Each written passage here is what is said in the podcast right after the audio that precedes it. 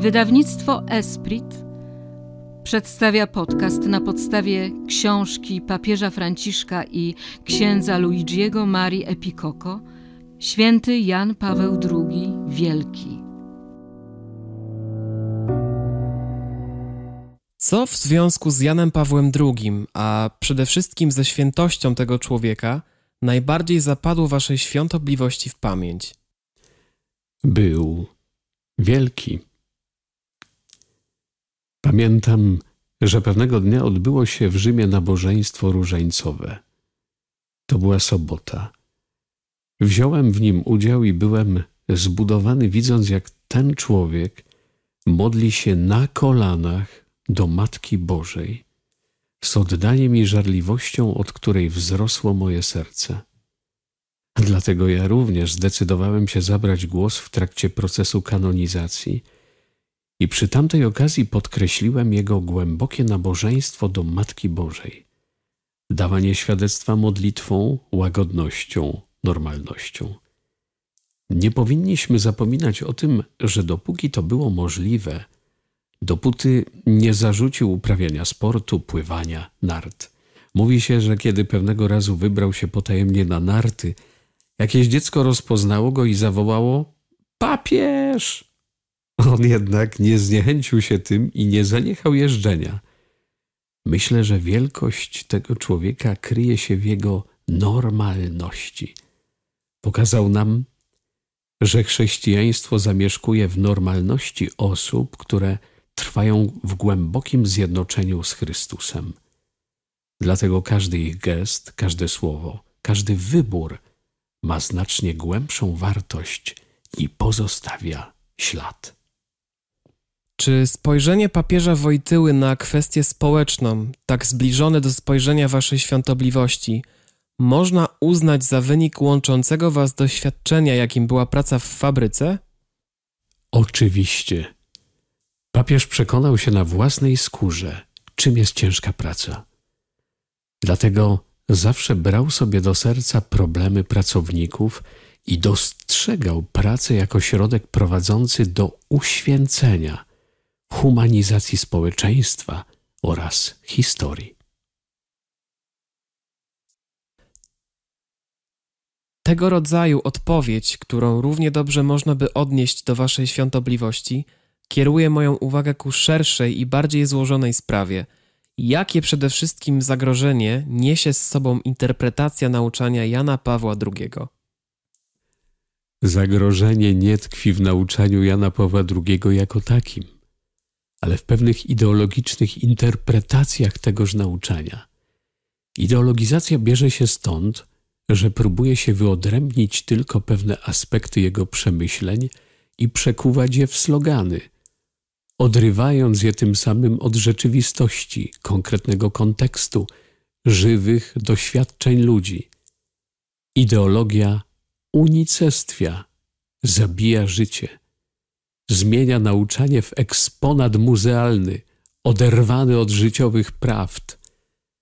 Aby ocalić wartość nauczania Jana Pawła II, trzeba bronić go przed wszelkimi formami ideologizacji i rozpoznać zawarte w nim prorocze intuicje, które nie tylko nadal są aktualne, lecz także wymagają pogłębienia, poważnego potraktowania, odniesienia do realiów współczesności.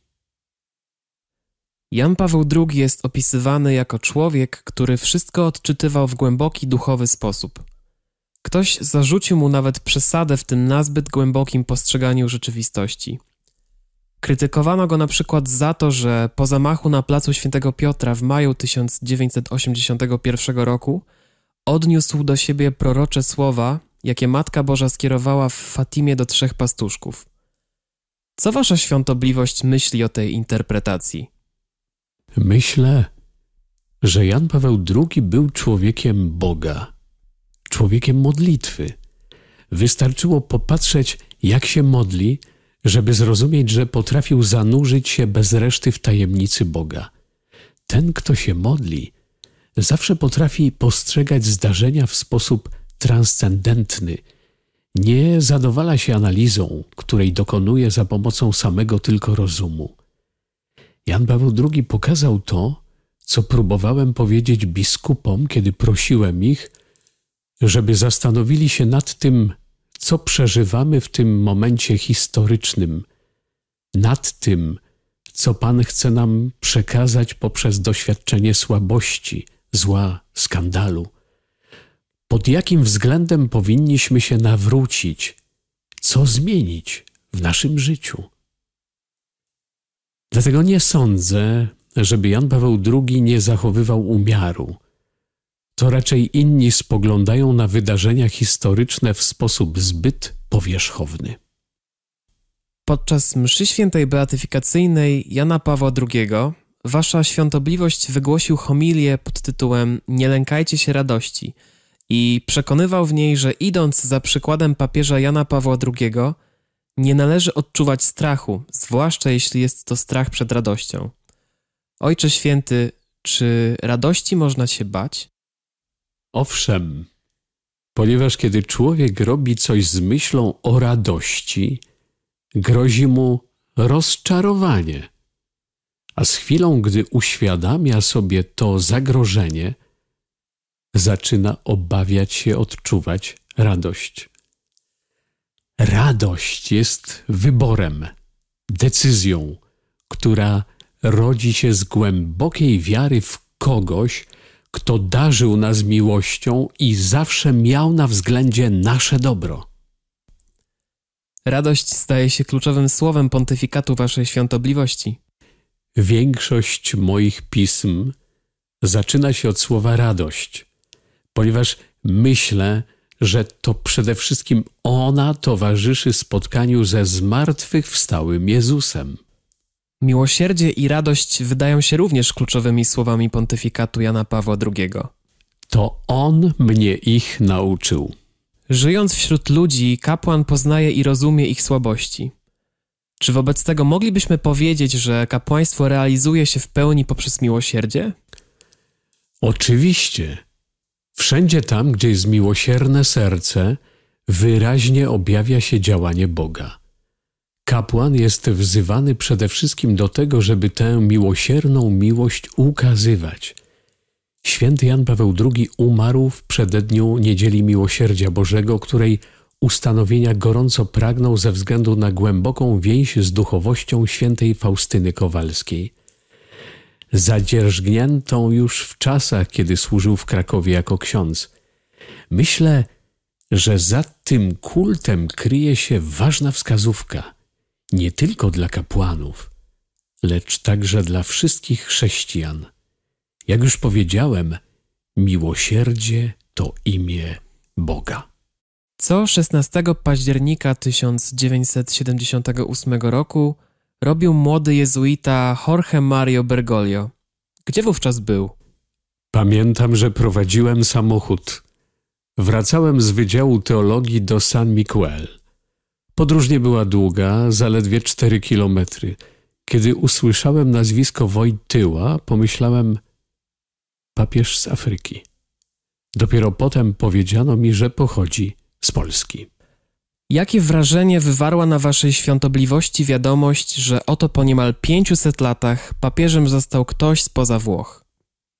Usłyszałem jego pierwsze słowa i odniosłem bardzo pozytywne wrażenie. To odczucie pogłębiło się wkrótce potem, kiedy powiedziano mi, że był kapelanem uniwersytetu, wykładowcą filozofii, zdobywcą górskich szczytów, narciarzem, miłośnikiem sportu, człowiekiem modlitwy. Ogromnie mi się spodobał. Od razu zjednał sobie moją wielką sympatię. Czy jako arcybiskup Buenos Aires miał wasza świątobliwość możliwość zacieśnić relacje z Janem Pawłem II? Tak. Przede wszystkim podczas synodów, lecz także przy okazji wizyt ad limina. Pamiętam, że kiedy w roku 2001 zostałem kardynałem i klęcząc, czekając na biret, poczułem przemożną chęć, żeby nie ograniczyć się do przekazania znaku pokoju, ale ucałować rękę papieża. Ten i ów skrytykował mnie za ten gest, jednak to był odruch. Życie Jana Pawła II nie było łatwe. Było to życie pełne komplikacji, trudnych, dramatycznych chwil i wielkich strat.